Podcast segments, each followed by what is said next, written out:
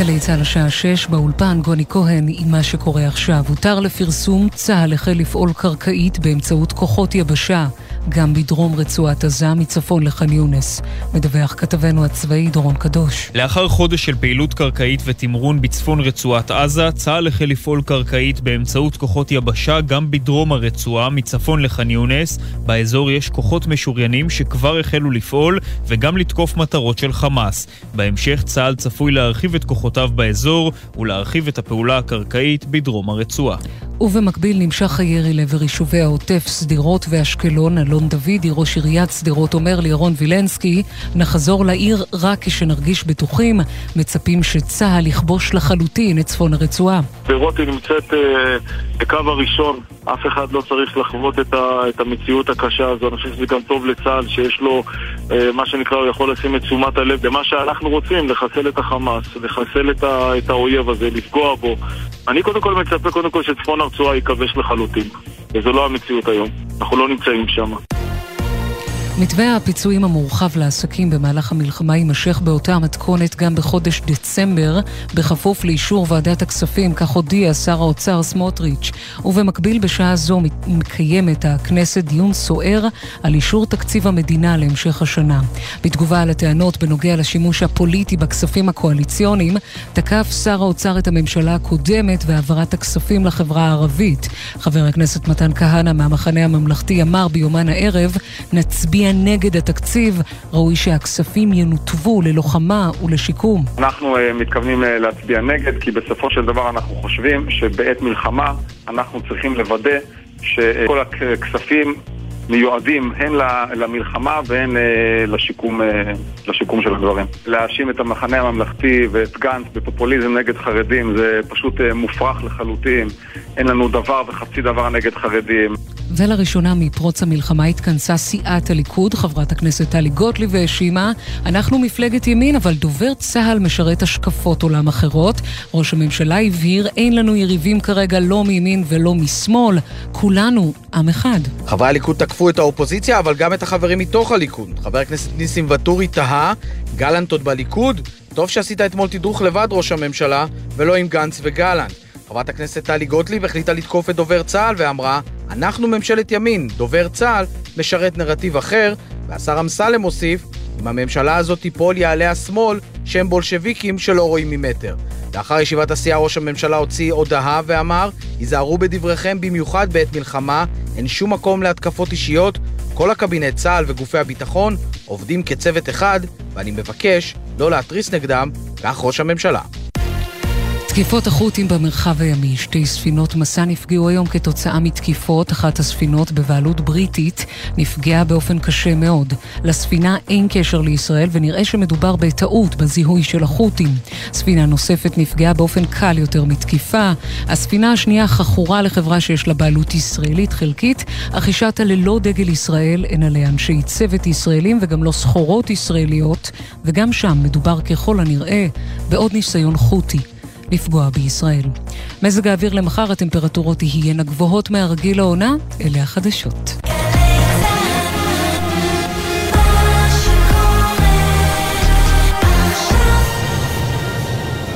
ישראל במלחמה, עכשיו בגלי צה"ל, סמי פרץ, עם החזית הכלכלית.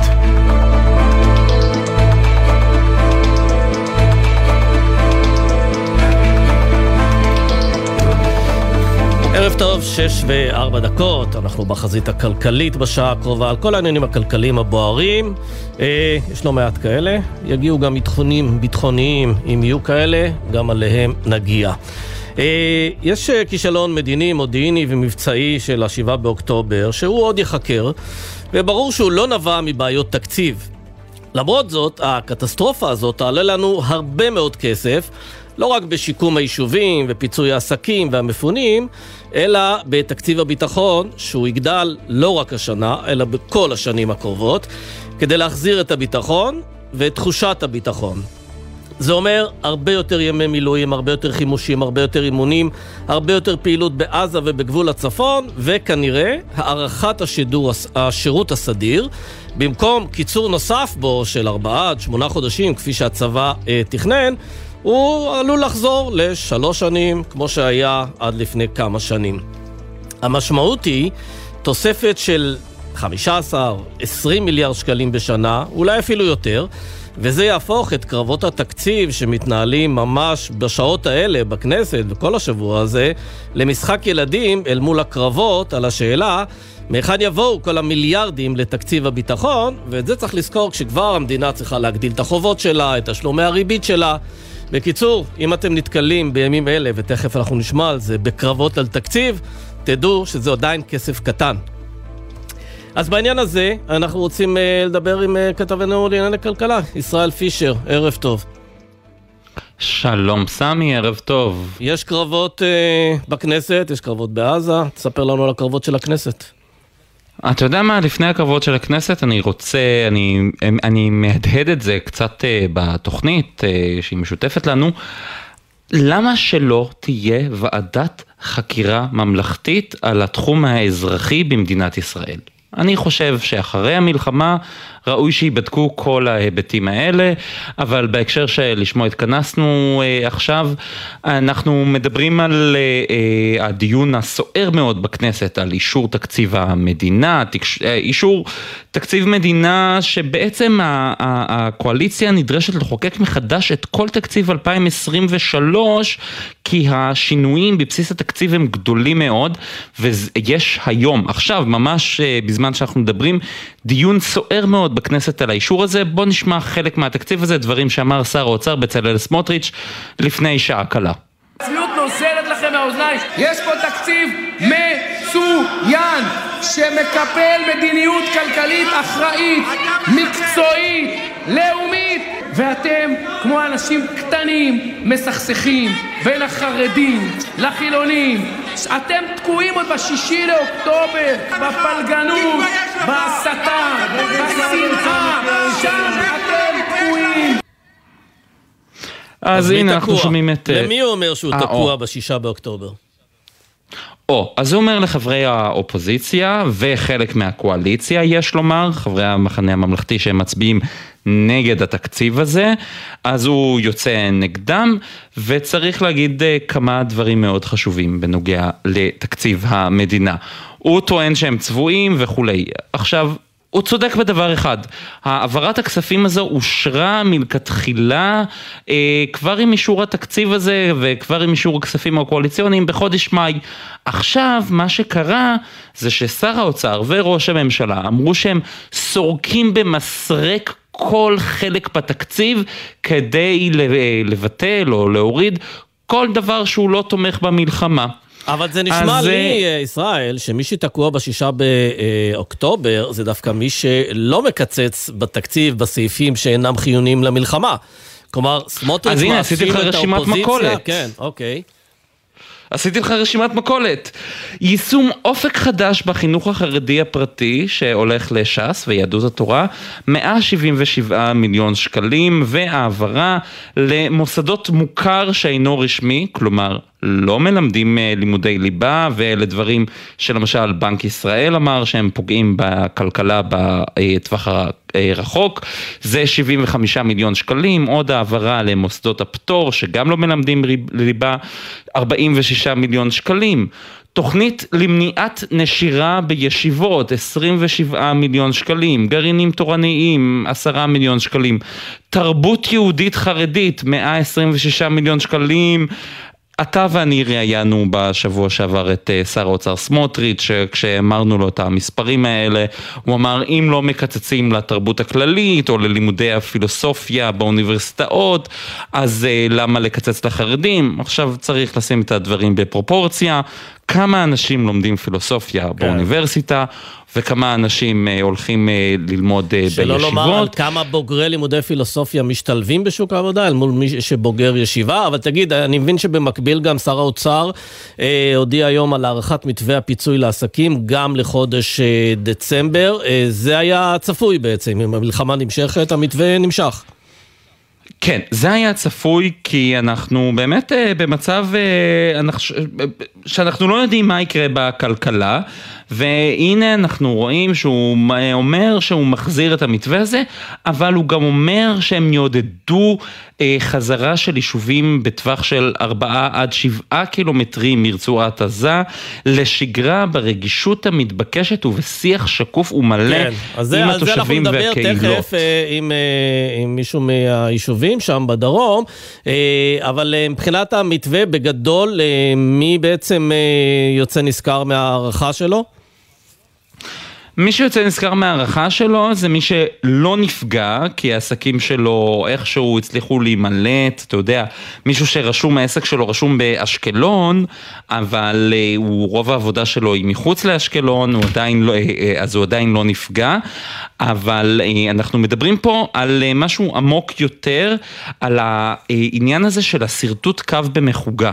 מה שאמרנו מתחילת שרטוט מתווה הפיצויים הזה, שכל העניין הזה של הגדרה לפי מרחק היא לא נכונה, כי גם יישובים שנמצאים קצת יותר מארבעה כן. קילומטרים מקו הגבול. בהקשר הזה גם דיברנו על אופקים, שבאמת 20 קילומטר, אבל אנחנו יודעים שהיא נפגעה קשות גם ב-7 באוקטובר, וגם יש שם עוד הרבה אה, בעיות.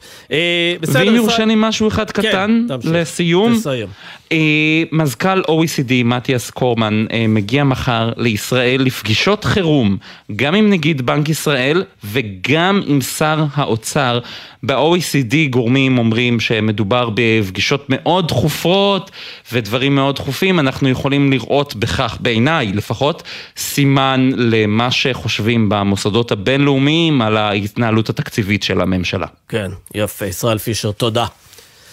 תודה. נדלג ליניר קוזין, כתבנו המדיני, ערב טוב. שלום שלום סמי, ערב טוב. ישיבה סוערת uh, בליכוד היום, עשו שם פוליטיקה או דיברו על אידיאולוגיות?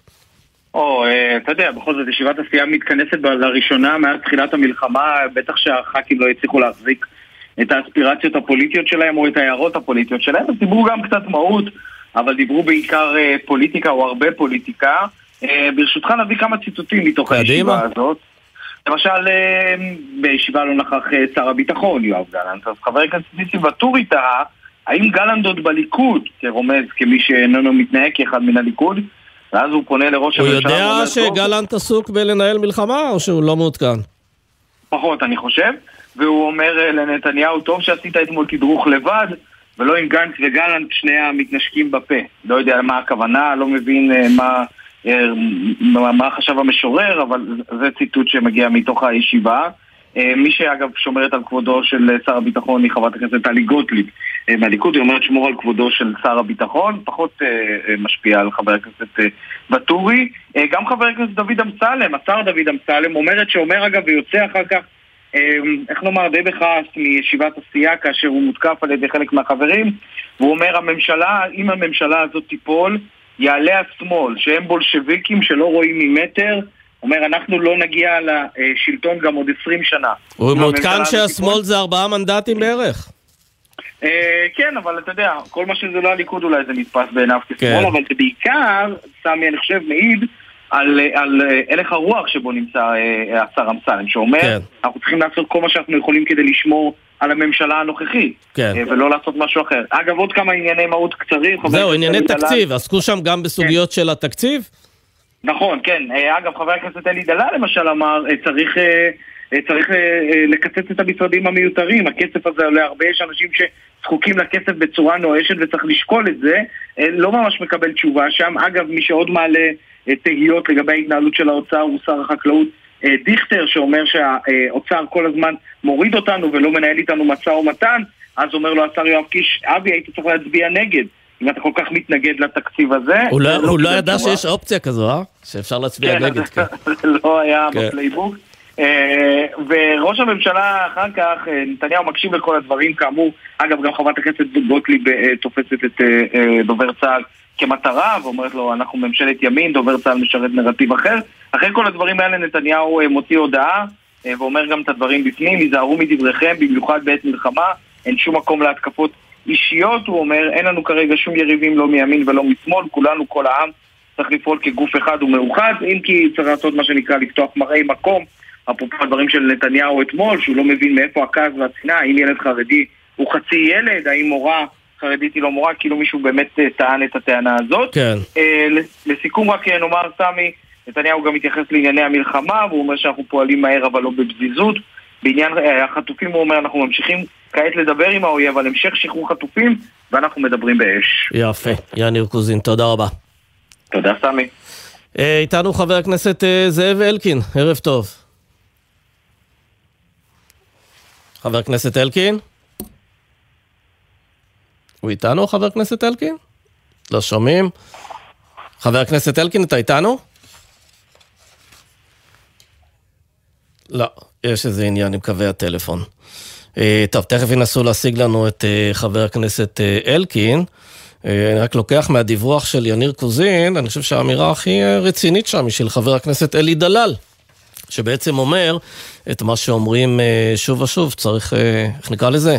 לדלל את מספר משרדי הממשלה אה, משרדים אה, שחלקם מיותרים, אם זה המשרד למודיעין, והמשרד לנגב וגליל, ומשרד לירושלים, ומורשת, ומסורת, וכל המשרדים אה, הללו, רק שזה נאמר קצת ככה מן השפה ולחוץ, ובעניין הזה אנחנו מעדיפים להפנות את השאלות לאנשי המחנה הממלכתי, שנכנסו בדיוק בשביל העניין הזה אה, לממשלה, כלומר לא לעניין הזה, הם נכנסו בגלל ענייני ניהול המלחמה, אבל לא נשמע שהם נלחמים על דברים אחרים, לכן אנחנו רוצים את חבר הכנסת אלקין. יש לנו אותו?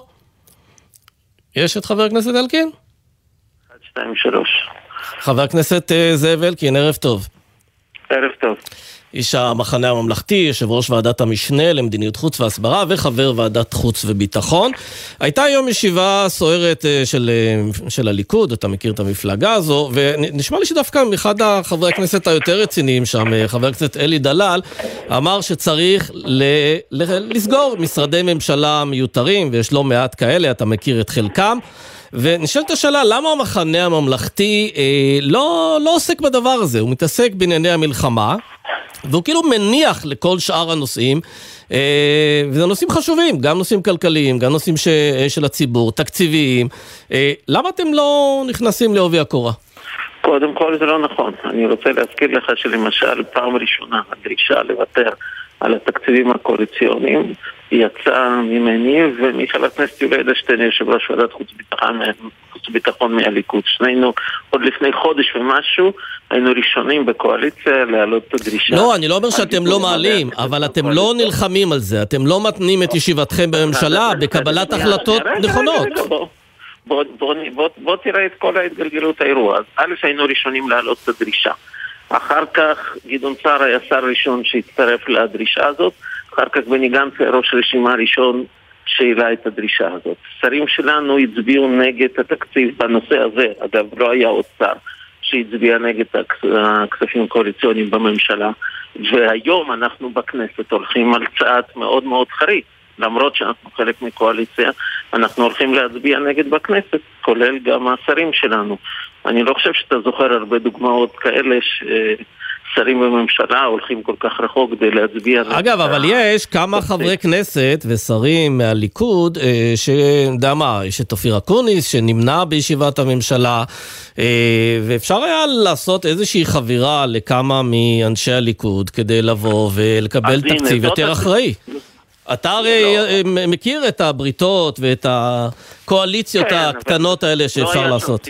לא, לא היה סיכוי להגיע שם לתקציב יותר אחראי, כי אינטרסים המגזריים והקואליציוניים הם אלה שהכתיבו, אף אחד בכלל לא שאל את שרי ליכוד ולא שאל את דעתם, כן? הביאו אותם להצביע על מעשה גמור שנבנה בין ראשי מפלגות, כן, תגיד לי, אה, חבר הכנסת אלקין, יכול להיות שאתם לא הולכים עד הסוף בעניין הזה, משום שבעצם גם אתם רוצים לשמור ככה על יחסים טובים עם המפלגות החרדיות, אתם חושבים גם כן על היום שאחרי... אנחנו הולכים הכי רחוק שאפשר. אני הרבה שנים בפוליטיקה, אני לא זוכר הרבה פעמים, אם בכלל, ששרים בממשלה מצביעים נגד התקציב שהממשלה הזאת מביאה לכנסת. ולכן אה, זה הצורה הכי קיצונית. אגב, אני אגיד לך עוד דבר אחד. אחת מהסיבות שאנחנו עושים את זה. אנחנו למעשה אומרים לאנשי ליכוד, הנה תראו, אנחנו מצביעים נגד. מספיק שיהיו חמישה ח"כים מהליכוד שירצו לעצור את ההתגלגלות הזאת וההתנהלות התקציבית לא אחראית, אפשר לעשות את זה. ואז באמת אפשר לכפות תקציב יותר אחראי. אה, ולכן אה, כל מה שאנחנו יכולים לתרום, אתה יודע, אנחנו לא יודעים לייצר יותר מ-12 אצבעות שיש לנו. אבל כל מה שאנחנו יכולים לתרום כדי לגרום לאנשי ליכוד להבין שהם יכולים, מספיק רק קבוצה קטנה של ח"כים שתצביע נגד בהצבעה שתהיה עוד מעט פה במליאת הכנסת, ממש עוד אה, חצי שעה, שעה. והנה, שר האוצר יצטרך לגבש הצעה אחרת, יותר אחראית ויותר נכונה. כן, אתה מעריך שזה יקרה? אתה מעריך שזה יקרה? אני סקפטי שזה יקרה, כי פשוט אני רואה את ההתנהלות בליכוד, הביקורת תהיה, האמירות יהיו, אולי אחד או שניים יברחו מההצבעה, אבל אני לא רואה מה שצריך זה לפחות חמישה אנשים שיבואו ויצביעו נגד. כן, אבל אתה יודע, כשמסתכלים על, על, על כלל האתגרים הכלכליים, אנחנו יודעים שתקציב הביטחון הולך לזנק גם בצורה קבועה, אין מה לעשות. בכל זאת נפל דבר ב-7 באוקטובר וזה הולך לשנות את זה. גם תשלומי הריבית אה, של החוב של המדינה יגדלו, כי לוקחים יותר חוב, כי הריבית עלתה. התוצר... לא יגדל בשנה הקרובה, ואם הוא יגדל אז ממש בשיעור אה, אה, מאוד מאוד אה, זניח, והוא אפילו יתכווץ במונחים של תוצר לנפש. והשאלה אם אתה לא, אה, אתם, לא מצליחים להבהיר לחברי הקואליציה ולליכוד שזוהי שעת חירום כלכלית שמחייבת התייחסות פחות פוליטית צרה. זה בדיוק על זה דיברנו, דיברנו על זה איתם בשיחות פה בכנסת, דיברנו על זה ב... גם בשיח הציבורי התקשורתי, שכאמור, כמו שאמרתי לך, היינו ראשונים לערער אותו. דיברנו על זה אפילו עוד לפני האופוזיציה עשינו את זה, דיברנו על זה גם סביב שולחן הממשלה. כרגע לצערי אה, אין מענה בצד השני, כי האינטרס המגזרי והקואליציוני הוא גבר על הכל, וחבל שכך. ולכן אנחנו מביעים את ההתנגדות שלנו בצעד הכי קיצוני שאני מכיר אה, מבחינת ההתנהלות הפרלמנטרית. וזו הצבעה שתכף תהיה כאן הצבעת נגד. אני מאוד מאוד מקווה שלקראת תקציב 24, שזה הסיפור האמיתי, הרי הפער על תקציב 23 הוא לא היה גבוה, כן? מחלוקת על סדר גודל כמיליארד שקל, אבל uh, הפערים במחלוקת על תקציב 24 יהיו הרבה יותר גדולים. אז זהו, אני שאלתי את uh, שר האוצר uh, סמוטריץ', מתי הוא יביא את, uh, את הצעת תקציב 24 לכנסת, הוא לא התחייב שזה יקרה בינואר, גם לא בפברואר. כלומר, אנחנו מדברים פה עכשיו על שלושה, ארבעה חודשים שבהם uh, לא תהיה לכם סיבה בעצם לעזוב את הממשלה, אתם uh, נטועים בתוכה, האומנם? לא. אנחנו נכנסנו לממשלה הזאת לא בגלל התקציב, אנחנו התנגד, התנגדנו לכל המבנה של הממשלה הזאת, כולל גם על התקציבים שלה שעל בסיסם היא הוקמה. אה, הרי מה שעושים עכשיו זה מתקנים את התקציב שכבר קיים, זה לא שמאשרים תקציב חדש אה. אה, עשינו את זה רק בגלל דבר אחד, אנחנו הצטרפנו לממשלת חירום בסיטואציית חירום של המלחמה שמתקיימת לצורך המלחמה. זה מה שהביא אותנו פנימה. לא היו לנו אשליות מזה שפתאום החברים שלנו לממשלה שינו את הוראם או התנהגו אחרת, או כל הביקורת שהייתה לנו עליהם תשעה חודשים פתאום תיעלב, אלא היה ברור לנו שיש כרגע אתגר לאומי ממדרגה ראשונה, ושהוא דוחה הצידה את המחלקות האחרות שיש. ושמנו את המחלקות האחרות שיש בצד. אבל לא כשאתה לא שומע את מה שקורה בישיבת סיעת הליכוד היום, כשאתה שומע כל מיני דפי מסרים שיוצאים מאזור של אה, לשכת ראש הממשלה, אה, הרבה מאוד ביקורת אה, על גנץ, כל מיני השמצות, עשיית פוליטיקה תוך כדי מלחמה, זה לא גורם אצלכם למחשבות שניות שאולי אתם פה קצת מפספסים משהו, שאתם נרתמים לטובת המדינה והם ממשיכים לעשות פוליטיקה? קודם כל מותר להירתם לטובת המדינה, גם כשהצד השני לא הוגן איתך.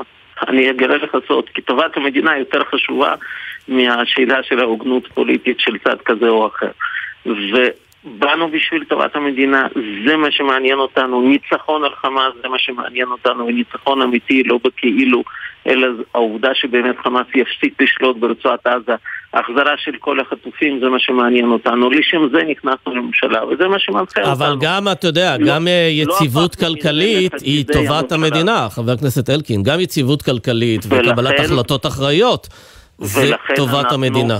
ולכן אנחנו משפיעים ככל יכולתנו במסגרת כללי משחק דמוקרטיים. אם הציבור היה נותן לנו לא 12 מנדטים, אלא בבחירות האחרונות שהיו, אלא יותר, אז יכול להיות שלא היה היום רוב לנתניהו לאשר את התקציב הזה שכנראה שהוא יאשר, אבל זאת הדמוקרטיה. כן, אה, לסיום, חבר הכנסת אה, אלקין, אה, אם יגיע הרגע שבו גנץ ואייזנקוט יחליטו שאין להם יותר מה לתרום בצד הביטחוני, אתה רואה מצב שבו הם פורשים, אבל אתם, אנשי תקווה חדשה, גדעון סער, אתה, נשארים בממשלה הזו? יש, יש נוסחה מאוד מאוד פשוטה שאני לא מעלה על הדעת שיסטו ממנה.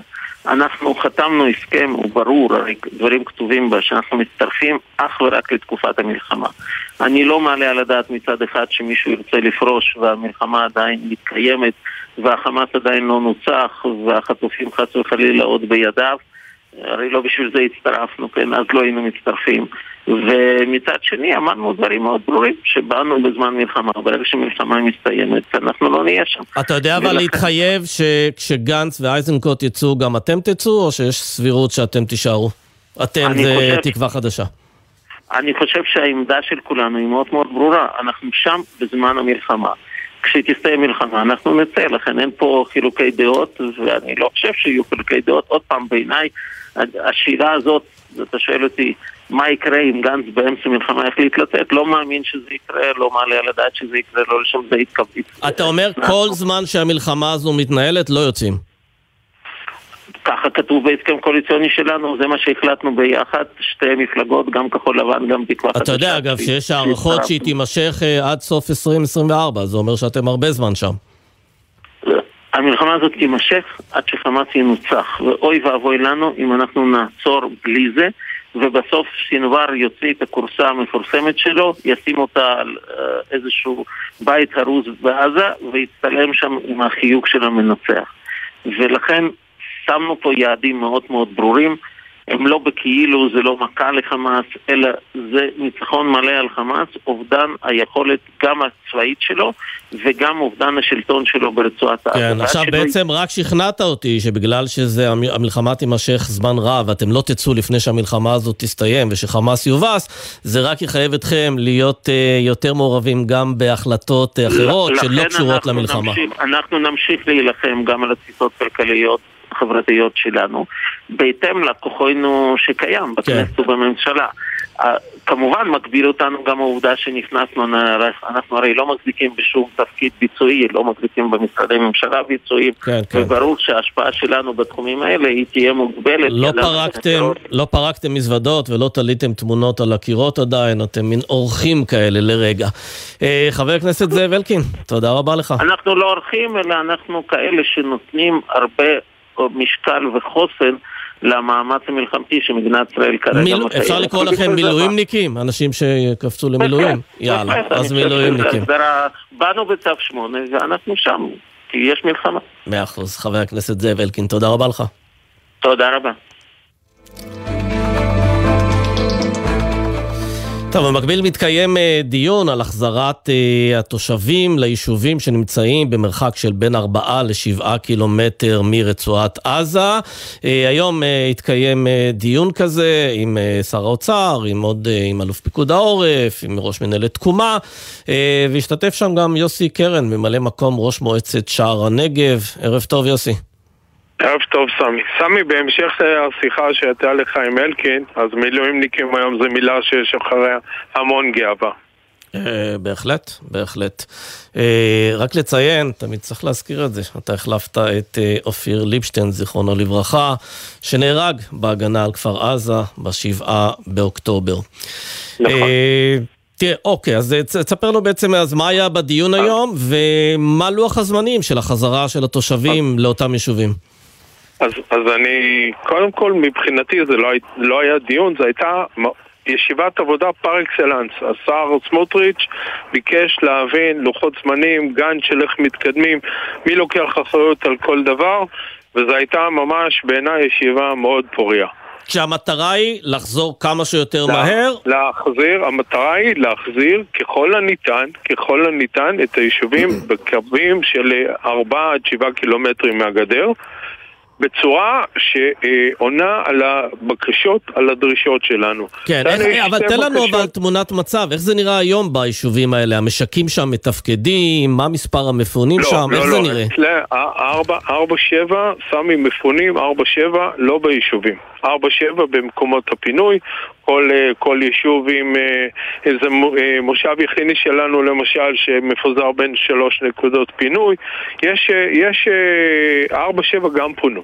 ארבע שבע גם פונו, ארבע שבע נמצאים בנקודות פינוי. אבל אנחנו מדברים על יישובים שיש בהם רפתות ולולים ושדות נכון, ומטעים, נכון, נכון. העבודה מתנהלת ש... כסדרה? לא, אבל כסדרה זו מילה גדולה מדי לתאר את זה, גם כיתות הכוננות נמצא, נמצאות ביישובים. יש, יש חיים ביישובים, אין חיי שגרה, אין חיים נורמליים, מי ש...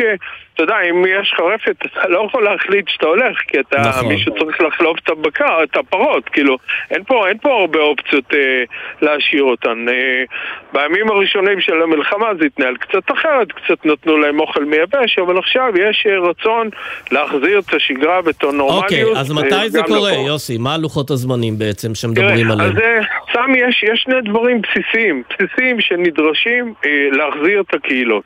שני דברים בסיסיים. אחד זה החזרת הביטחון, שזה כבר לא בתחום אחריותי. והדבר הבסיסי השני הוא מתן חינוך ראוי. שזה כבר כן בתחום אחריותי כראש מועצה. העניין הוא שדברים קצת, קצת, קצת עובדים לאט מדי. ואני אסביר. אנחנו ושר הביטחון, אלוף הפיקוד, שר האוצר, כולם מבינים שיש כרגע צורך בהקמה של בתי ספר עורפיים. שר החינוך איתנו, כולם איתנו. הבעיה היחידה שההרשאה התקציבית לא איתנו. עכשיו, את ההרשאה התקציבית אני לא רוצה מחר, אני רוצה אתמול. מה זה אבל בית צריך... ספר אה, עורפי? זה אומר שצריך בית... למקם אותו רחוק מהיישובים ולדאוג להסעות? לא, לא, לא, לא, אני אסביר, אני אסביר. בית ספר, קריית החינוך שלנו בשער הנגב, אני אה, מדבר על שער הנגב, קריית החינוך שלנו, ואני יודע שגם במועצות השכנות, נמצאת בתוך הקו ה-04. קריית החינוך שלנו כרגע, עד סוף שנת הלימודים, ההחלטה שלנו, שלי, היא לא להפעיל את, אה, את קריית החינוך עד תום שנת הלימודים הזאת. ואז אתה חייב למצוא פתרון, כי אם אני רוצה להחזיר יישוב, אני חייב להחזיר חינוך. ומה הפתרון? מה זה אומר אה, בית ספר עורפי? הפתרון הוא בית ספר זמני. ממוגן בצורה, אה, בצורה של קרווילות או, או מבנים, אה, אתה יודע, מתועשים, עם מיגון כמובן, כדי שיאפשר לנו, כדי שאני אוכל לבוא להורים, להגיד חבר'ה שומעים, הנה בית הספר היסודי, כרגע במבנה מאולתר ולא בקריית החינוך, אבל תחזרו כי אני יודע לספק לכם חינוך טוב. אגב, יש קרווילות ש... ממוגנות? יש כזה דבר? לא, לא, לא, אבל לכל קרווילה כזאת אנחנו מצמידים, אה, שנקרא ממה, מרחב אה, ממוגן, שאמור לתת פתרון, שנותן פתרון מצוין גם למיגון, אה, וזה...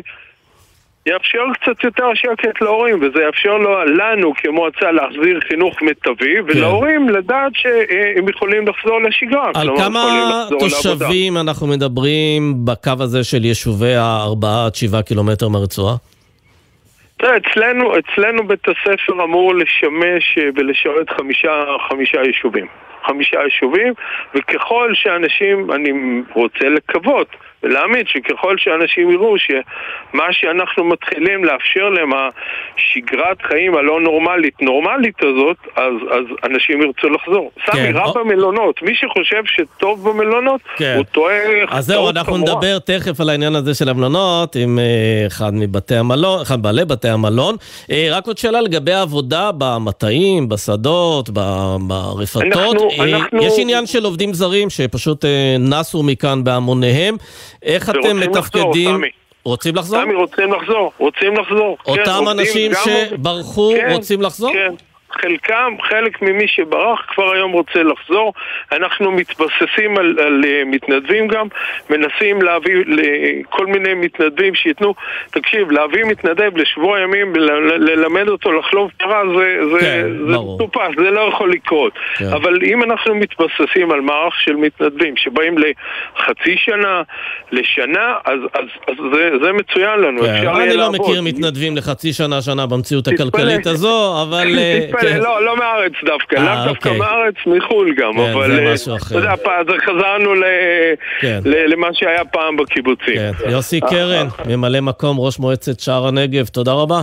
תודה, סמי, ערב טוב. ערב טוב. אנחנו נצא להפסקה קצרה, מיד אחרי זה נדבר על האיום החות'י, שמתגלה גם כאיום כלכלי, ועל מה שקורה בענף המלונאות, ועוד ועוד עדכונים, כבר חוזרים. אתם מאזינים לגלי צה"ל.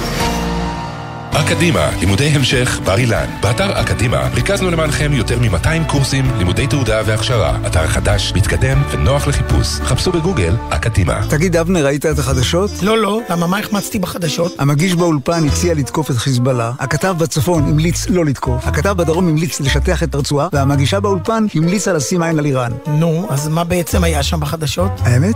כלום. הפרעת קשב, מבית גלי צה"ל והאוניברסיטה הפתוחה. אנשי התקשורת משה שלונסקי ואבנר הופשטיין מרימים את המסך של עולם התקשורת, במיוחד במלחמה. בכל זמן שתרצו, באתר וביישומון גל"צ גלגלצ, ובכל מקום שאתם מאזינים להסכתים שלכם. עכשיו בגלי צה"ל, סמי פרץ, עם החזית הכלכלית.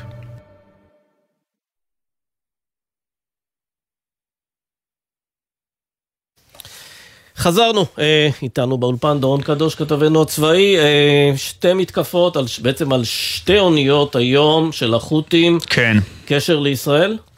אה, לא ממש האמת, אה, ממש רופף, ואם בכלל, אז אנחנו מדברים, אה, סמי, על שני אירועים שונים. שתי מתקפות של החות'ים על שתי ספינות, שתיהן היו באותו אזור פחות או יותר, אזור מיצרי באב אל-מנדב, שנמצאים בדרום ים סוף, אזור שכמובן קרוב מאוד לתימן, ככה שמבחינת החות'ים זה קרוב אליהם וזה בהישג יד.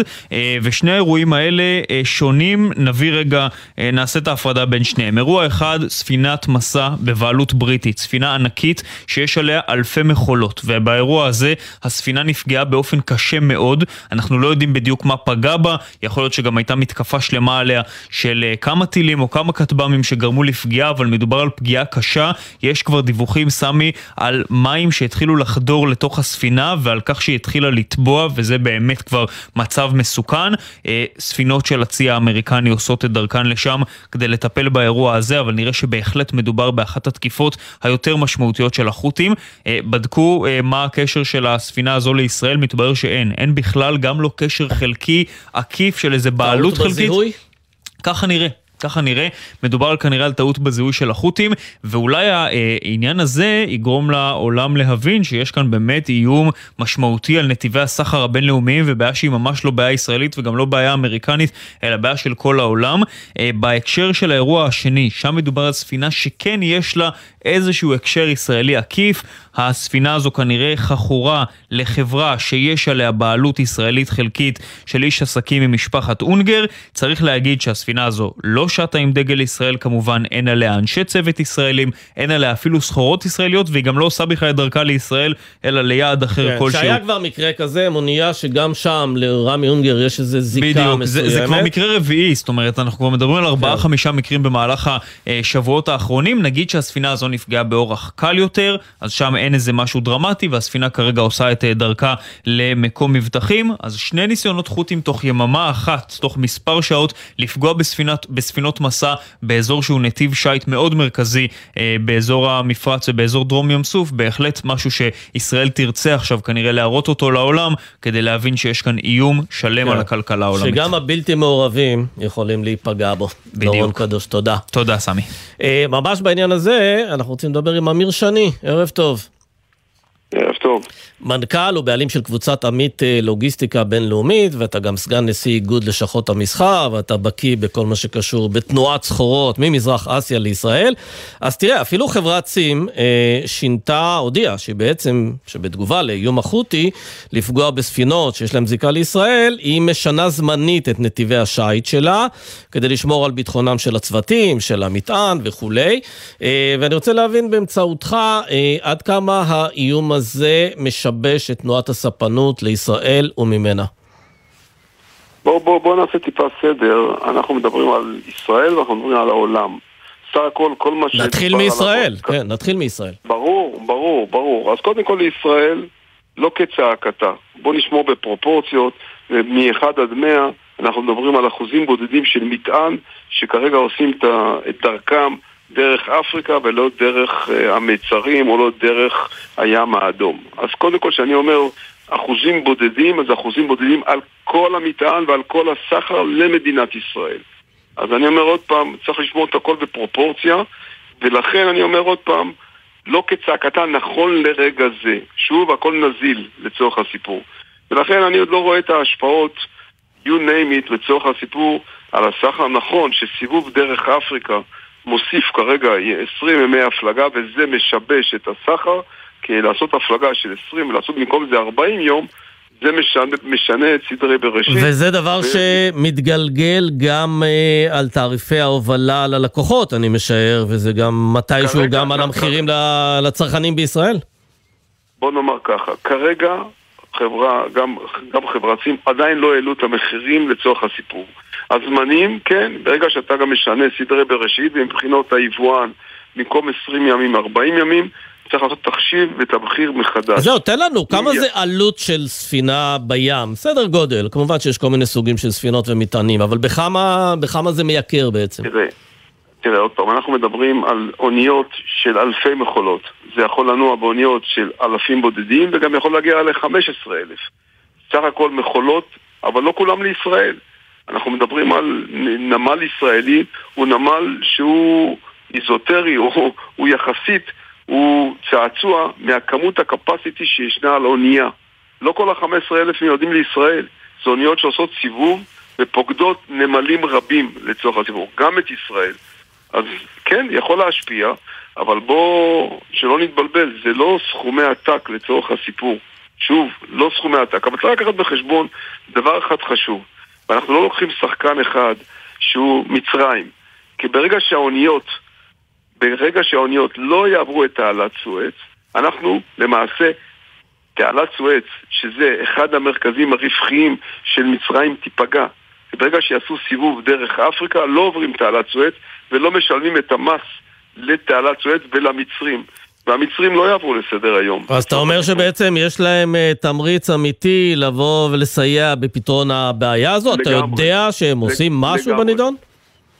לא, אבל בוא, לא צריך להיות גאון גדול, כי אנחנו יודעים מה תעלת סואץ עושה עבור מצרים, והם יעשו בשקט וברוגע את אותו משא ומתן שלהם, שלא יפגעו בפרנסה שלהם. כן, תגיד לי, מבחינת ספינות, אה, ספינות אה, מטען אה, ישראליות, אתה רואה גם מצב שבו הם יעשו ניסיונות לטשטש, נקרא לזה כך, את הזהות הישראלית שלהם, גם באמצעות, לא יודע מה, דגלים, סימני זיהוי כאלה ואחרים, צוותים וכולי, בעקבות האיום החוטי? קודם כל, כמו שאתה אמרתם בכתבה ואמר קודמי בפנים... אין ישראלים על האוניות האלה, אתה אומר.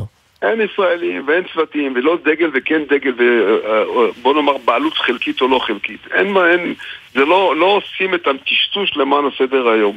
הרי אנחנו מדברים על אוניות וגם את המקרים שהיו, דנן, אחד, שניים או ארבעה מקרים, בכלל לא היו מיועדים לישראל. אז בואו לא, שלא נעשה עוד הפעם, שלא נעשה יותר מדי... לא, אבל אתה יכול להגיד, יש להם טעויות בזיהוי או מודיעין לקוי, אבל uh, במובן הזה זה דווקא קצת עוזר לנו, כי זה אולי מבהיר לעולם שזו בעיה גלובלית, זה לא בעיה רק של ישראל. לגמרי, לגמרי. אני אומר שוב, לגמרי, וגם הקטע של האונייה האנגלית, שאני אין לי את הפרטים, אני שומע ממכם לחלוטין, כן טעות זיהוי, לא טעות זיהוי, בפירוש עוזר שאנחנו כלי משחק. כרגע ישראל היא צעצוע בתוך הסיפור הזה. אנחנו לא מרכז הכובד לצורך הסיפור. כן, אתה עצמך אה, מביא סחורות, משנע סחורות אה, באמצעות אה, אוניות? נכון. תספר, נכון. אז איך, איך זה משפיע לך על הפעילות?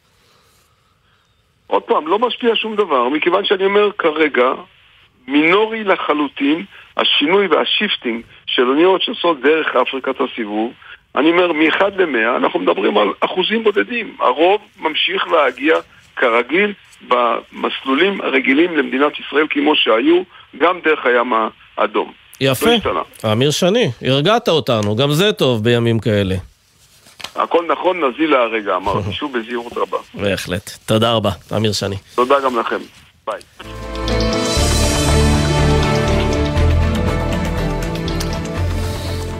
אז ענף המלונאות סוגר אה, ממש השבוע אה, חודשיים במציאות יוצאת דופן בעצם, בלי תיירים, אבל עם מפונים, ואנחנו רוצים לנסות להבין איך נראים החיים שם.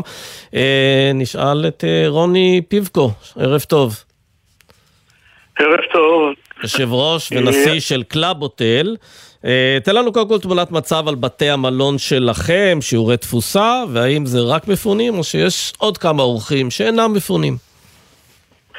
אז ככה, המלונות שלנו הם מלונות אה, סוויטות ווילות, כך שהם מתאימים מאוד למשפחות, ומבחינת המפונים אה, יוצא להם אה, מעין בית, כי יש לנו גם מטבחונים, ומכל סוויטה היא לפחות שני, אה, שני חדרים, ומרפסת, ואנחנו אה, משתדלים לתת לכל המפונים הרגשת בית.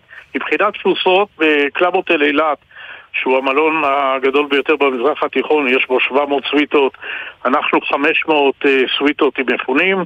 קלאבוטל טבריה, שיש בו 300 אה, סוויטות, אנחנו בסביבות 220 סוויטות מפונים. ובקלאבין אה, היינו עד לאחרונה, כרגע לא, היינו ב-180 וילות אה, של אה, מפונים. אנחנו נמצאים במלונות גדולים, יושבים על 40-42 דונם, כך שאנחנו מאפשרים מתקני משחק ו- ומתקני וידאו וגן ילדים וכל מה שרק לתת למפונים הרגשה.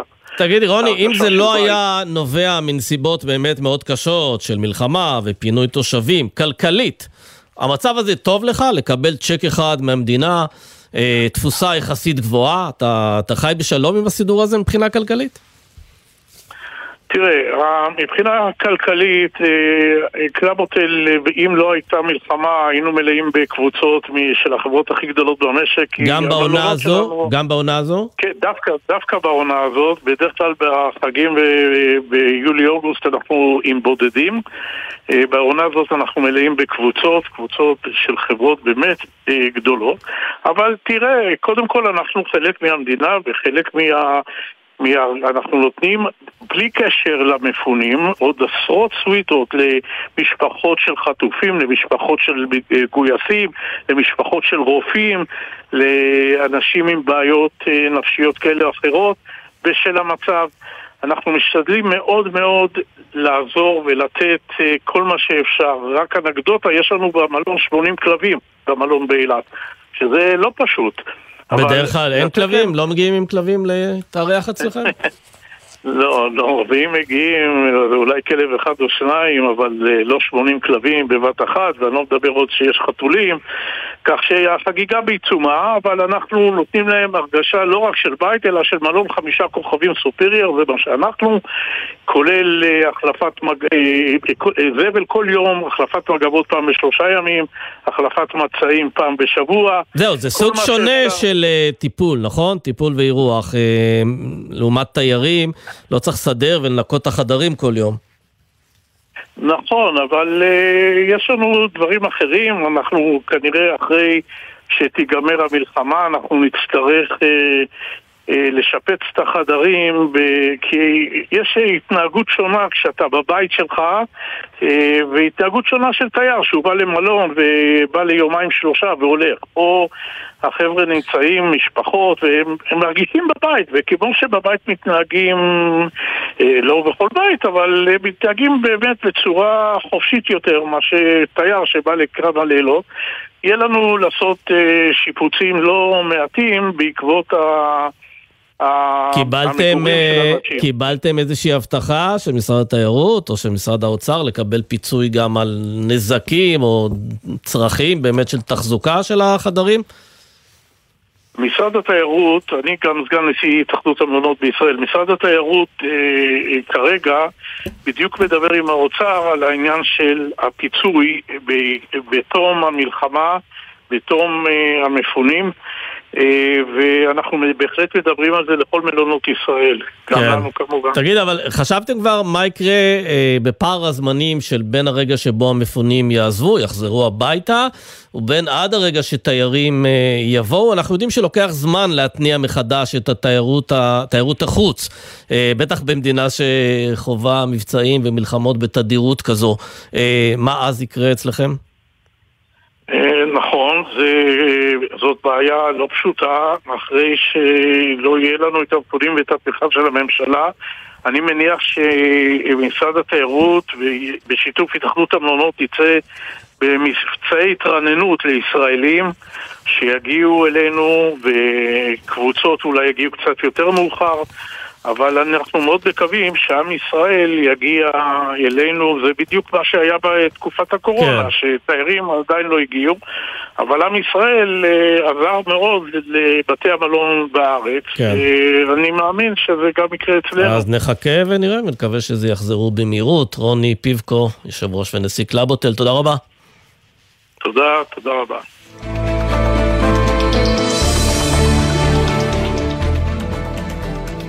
עכשיו איתנו אלוף משנה במילואים אמיר שוצמן, ערב טוב.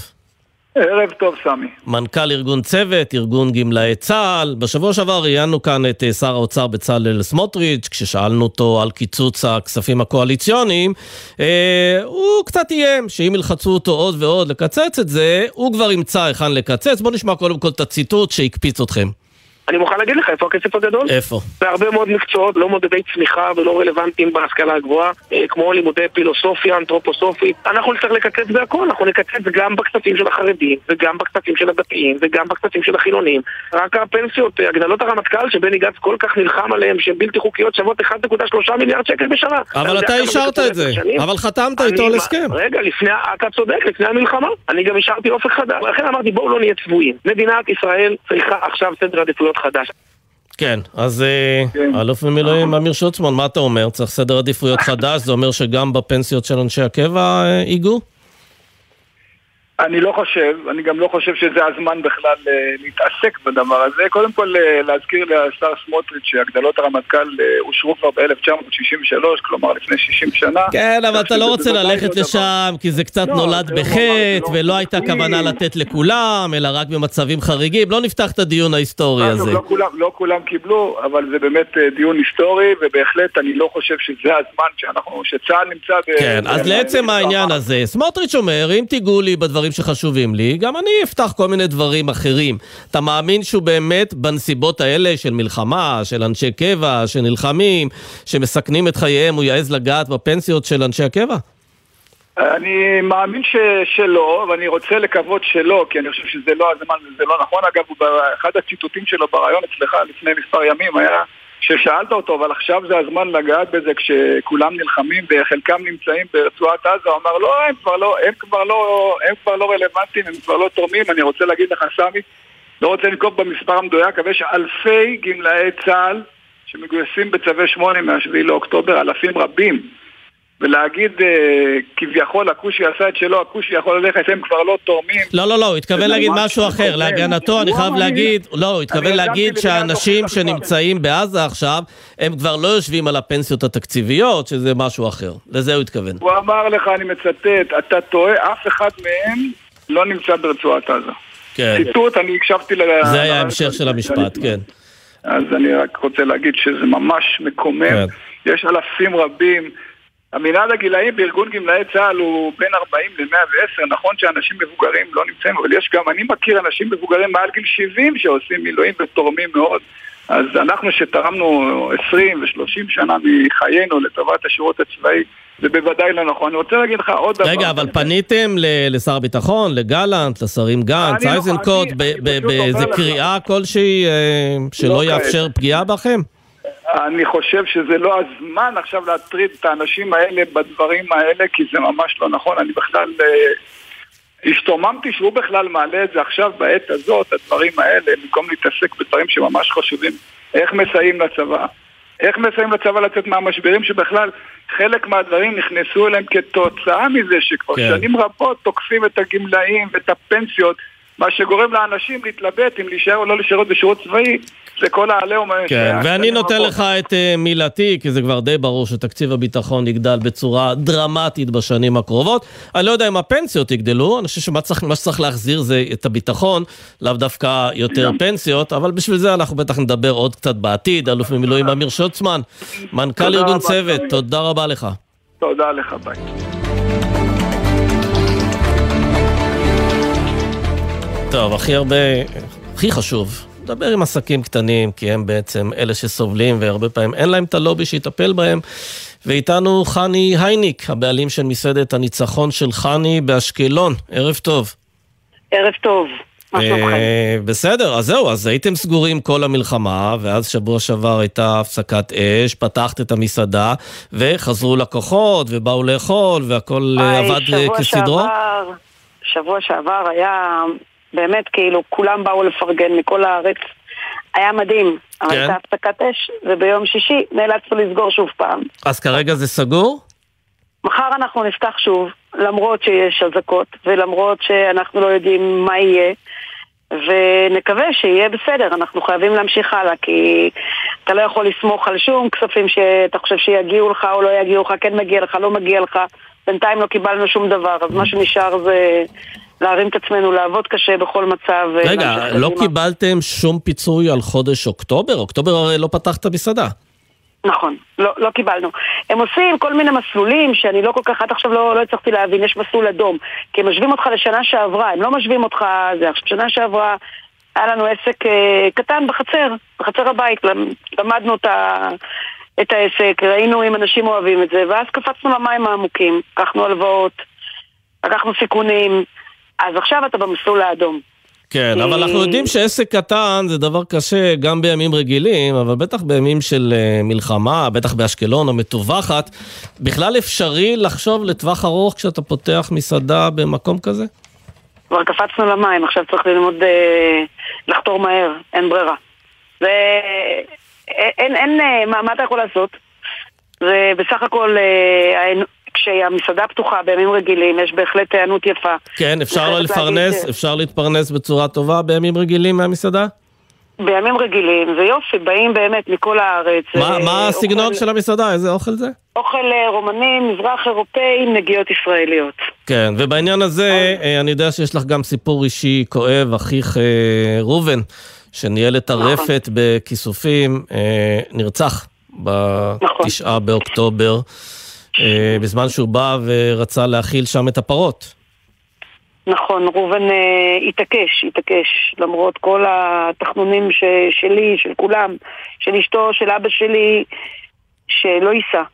אבל אה, הוא היה נחוש ואי אפשר היה לעצור אותו, הוא אמר שהפרות חייבות לאכול כי כולם נרצחו שם. כן. אה, ואף אחד בכיסופים לא נשאר, כולם פונו. ובעצם אה, מיום שבת עד יום שני הם לא קיבלו אוכל. וזה פרות חולבות ופרות ש... ואת אה, מתכוונת, אה, ואת מתכוונת להנ- להנציח אותו בצורה כלשהי במסעדה, אה, לעשות, כן. איך קוראים לזה? שניצל ראובן? שניצל ראובן, כן, שניצל בקר. הוא אהב שניצל? הוא מאוד. הוא אהב שניצל בקר מאוד, ככה עם שום טוב ופירה ליד. אנחנו ננציח את זה בטח. כן, יפה. בטח, בטח. טוב, אז נאחל לכם שבאמת תפתחו אה, מחר ושלא תצטרכו לסגור שוב. אה, ושיבואו הרבה אנשים למסעדה. ניתן את הכתובת, רחוב יכין, אה, 1255 באשקלון, מסעדת הניצחון של חני. שתנצחי, נכון. חני. תודה רבה לך. תודה רבה, ביי ביי. זהו, אנחנו מסיימים. נגיד תודה לעורך בן נצר, לגיא אדלר וניב וויליאמס שמפיקים, על הביצוע הטכני אלון סמיד ותומר רוזנצוויג בפיקוח הטכני אלון קפלן, עורך הדיגיטל רן לוי. מיד אחרינו טלי ליפקין שחק, מחר נהיה פה שוב בחזית הכלכלית. תודה רבה.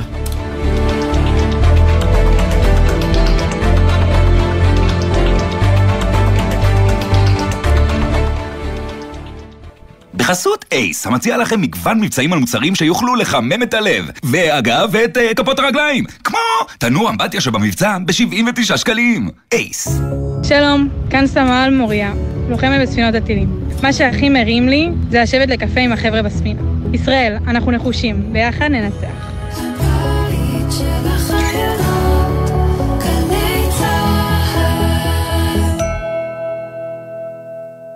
זו העונה של קטיף העדרים. זו העונה של שתילת הירקות. זו העונה של גיזום הנשירים. וזו העונה במשק בעלי החיים. חקלאי ישראל, כמה עובדים חסרים לכם כדי להציל את העונה? ספרו לנו על צורכי המשק שלכם, ואנחנו במשרד החקלאות נדאג לכם לידיים עובדות. מלאו עכשיו טופס באתר המשרד. יחד נציל את העונה ויחד ננצח. מגיש משרד החקלאות ופיתוח הכפר. בחנוכה מאירים את ירושלים. בואו לחגוג איתנו עם מגוון אירועים והפעלות לכל המשפחה, ברחבי העיר, במוסדות ובהיכלי התרבות. הצטרפו אלינו להדלקת נרות, מופעים, הצגות, סדנאות ועוד הפתעות. הנחות לאנשי המילואים ומשפחותיהם ולבעלי כרטיס ירושלמי. לפרטים ייכנסו לאתר עיריית ירושלים.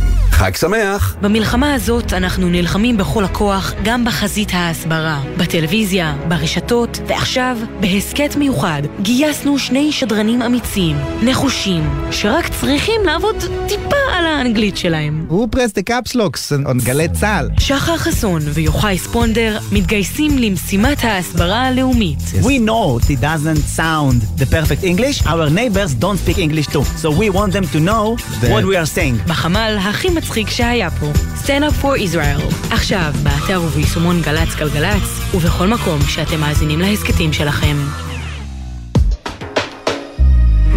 מיד אחרי החדשות, טלי ליפקין-שחק.